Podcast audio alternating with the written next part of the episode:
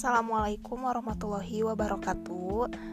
Bagaimana kabarnya anak-anakku semuanya? Alhamdulillah kita bisa bertemu lagi di semester baru dengan semangat baru Walaupun kondisi kita masih belum bisa tatap muka. Akan tetapi semuanya harus disyukuri apa pun kondisinya.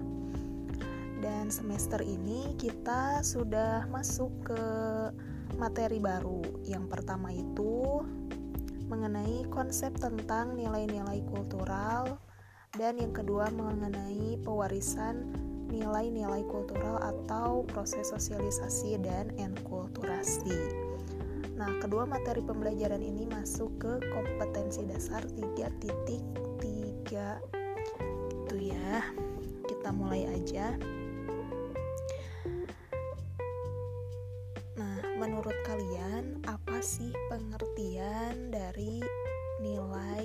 Itu sendiri? Ada yang sudah tahu belum apa itu nilai? Nah, jika yang masih sebenarnya tahu gitu ya nilai itu apa tapi kalau misalnya disuruh mendefinisikan biasanya susah susah keluar gitu dari pikiran kita tuh tapi sebenarnya kita tahu e, nilai itu apa cuman sulit untuk mendefinisikan jadi jika dilihat dari segi bahasa nilai itu merupakan suatu alat yang menunjukkan alasan dasar bahwa cara pelaksanaan atau keadaan lebih disukai secara sosial dibandingkan cara pelaksanaan atau keadaan akhir yang berlawanan.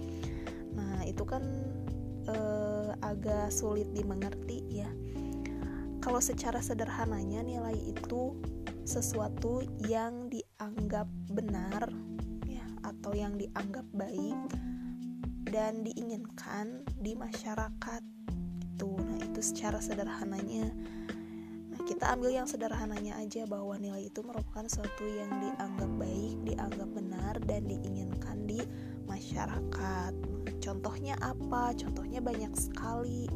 Dalam berperilaku itu pasti memiliki nilai. Seperti salah satunya ketika misalnya kalian berangkat sekolah eh, berpamitan kepada orang tua ya kemudian berdoa nah berpamitan itu merupakan nilai karena sesuatu yang dianggap baik dianggap berharga dan diinginkan oleh semua masyarakat gitu ya contohnya selain berpamitan misalnya um, ada lagi contoh lain tolong menolong nah tolong menolong itu juga merupakan contoh dari nilai karena tolong menolong merupakan sesuatu perilaku yang dianggap baik, dianggap berharga dan diinginkan oleh masyarakat. Itu ya.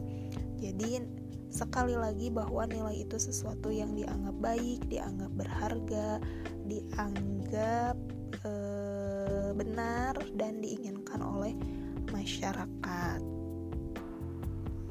Nah, kemudian e, apa bedanya dengan norma? Kalau norma kan peraturan ya, jadi di dalam norma pasti terdapat nilai, namun di dalam nilai belum tentu ada norma gitu ya kan norma itu uh, suatu aturan yang tertulis ya.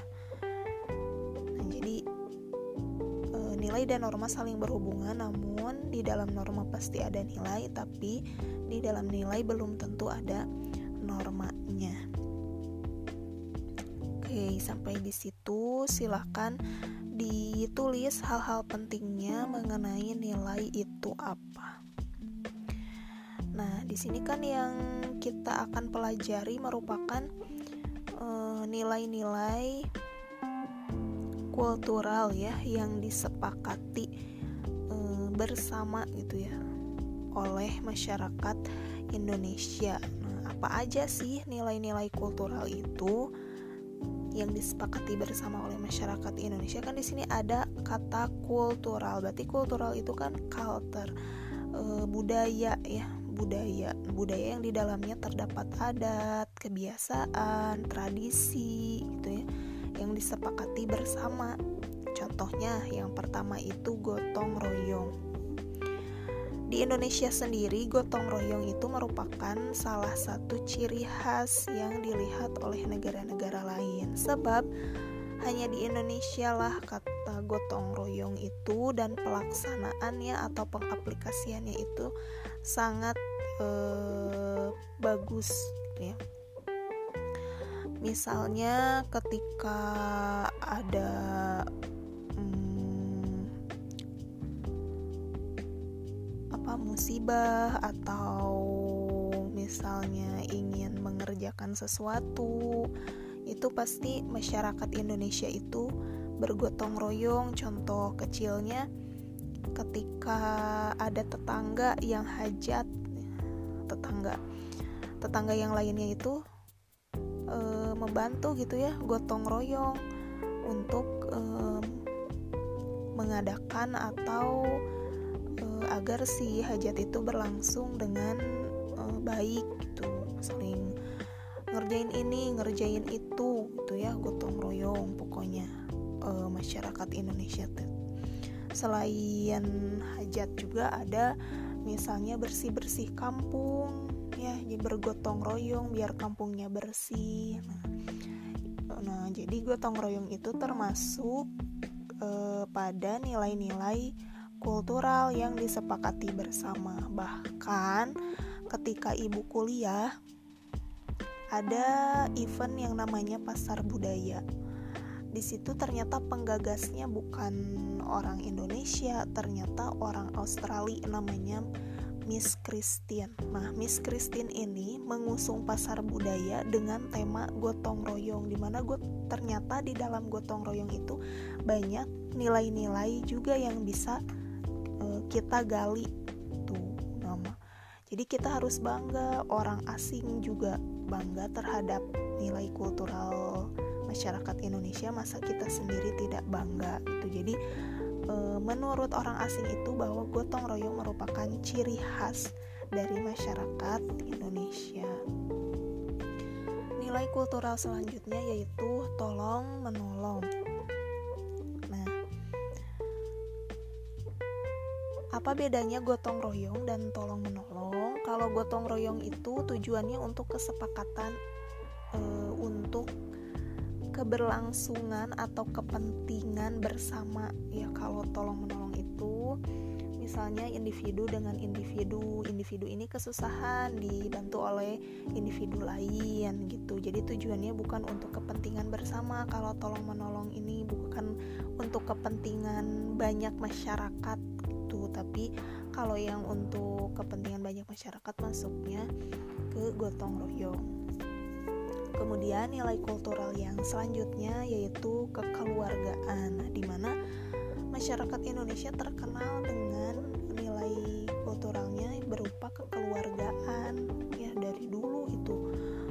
Contoh kecilnya misalnya ketika ada tetangga yang sakit, walaupun bukan keluarga tapi e, dijenguk gitu ya, e, berbondong-bondong ke rumah untuk menjenguk untuk memastikan uh, apakah sudah sehat atau belum gitu.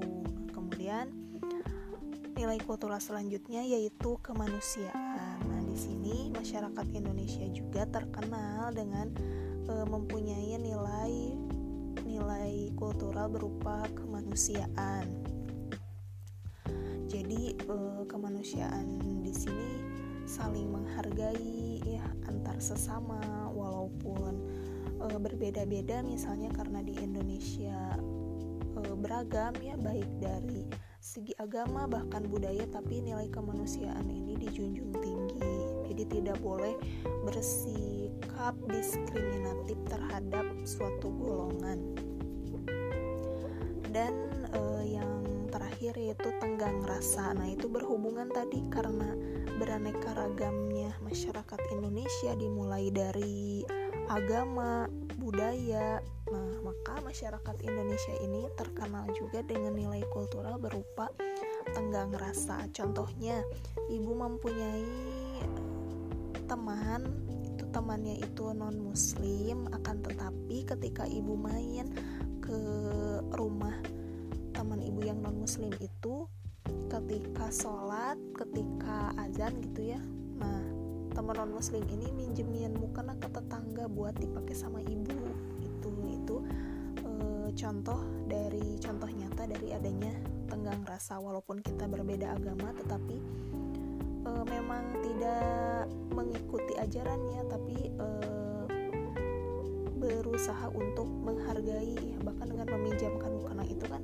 bentuk nyata dari tenggang rasa Nah, tujuannya apa? Tujuannya untuk nilai-nilai kultural ini ada gitu ya, tujuannya untuk membangun sikap toleran, ya, toleransi gitu ya, bertoleransi antar sesama, kemudian empati, saling merasa, saling merasakan apa yang dirasakan oleh teman kita, oleh tetangga kita, oleh saudara kita, dan saling menghargai tujuannya itu. Nah, sehingga dari hal tersebut terciptalah masyarakat multi etnik Indonesia atau yang beragam gitu ya yang rukun, aman dan damai gitu. Jadi dari adanya nilai kultural tujuannya untuk membangun sikap toleran, empati dan saling menghargai.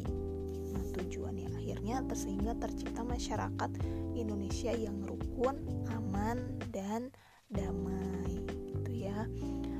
silahkan dicatat hal-hal penting yang tadi sudah Ibu jelaskan mengenai nilai-nilai kultural mulai dari pengertian dari nilai, kemudian apa saja sih nilai yang disepakati bersama oleh masyarakat Indonesia itu ya kan tadi ada gotong royong, tolong menolong, kekeluargaan, kemanusiaan dan tenggang rasa dan sertakan juga contoh-contohnya oleh kalian. Tujuannya apa? Tadi tujuannya kan membangun sikap toleran, empati, dan saling menghargai, sehingga terciptalah masyarakat Indonesia yang rukun, aman, dan damai. Gitu. Nah, paling di pertemuan pertama cukup sekian dulu ya.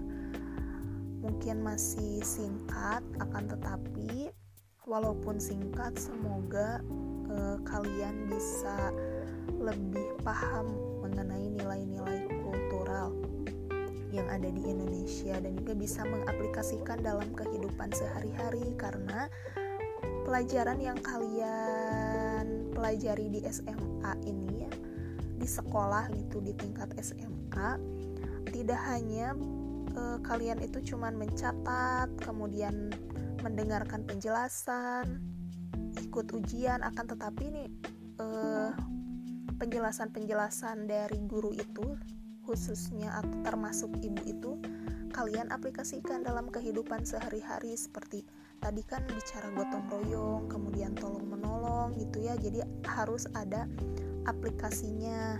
Jangan hanya berupa teori aja gitu ya. Tujuan lain dari uh, sekolah atau belajar itu. Jadi jangan hanya memahami pelajarannya saja akan tetapi harus diaplikasikan ke dalam kehidupan sehari-hari agar e, terasa manfaatnya gitu. Sekolah teh apa gitu ya gunanya? Selain kita nambah pengetahuan di dalam sikap juga harus ada berubahnya gitu. Itu ya. Nah e, oke okay, kita akhiri dulu. Silahkan dicatat yang pentingnya lagi di pertemuan selanjutnya minggu depan. Akhir kata wabillahi taufiq wal hidayah. Wassalamualaikum warahmatullahi wabarakatuh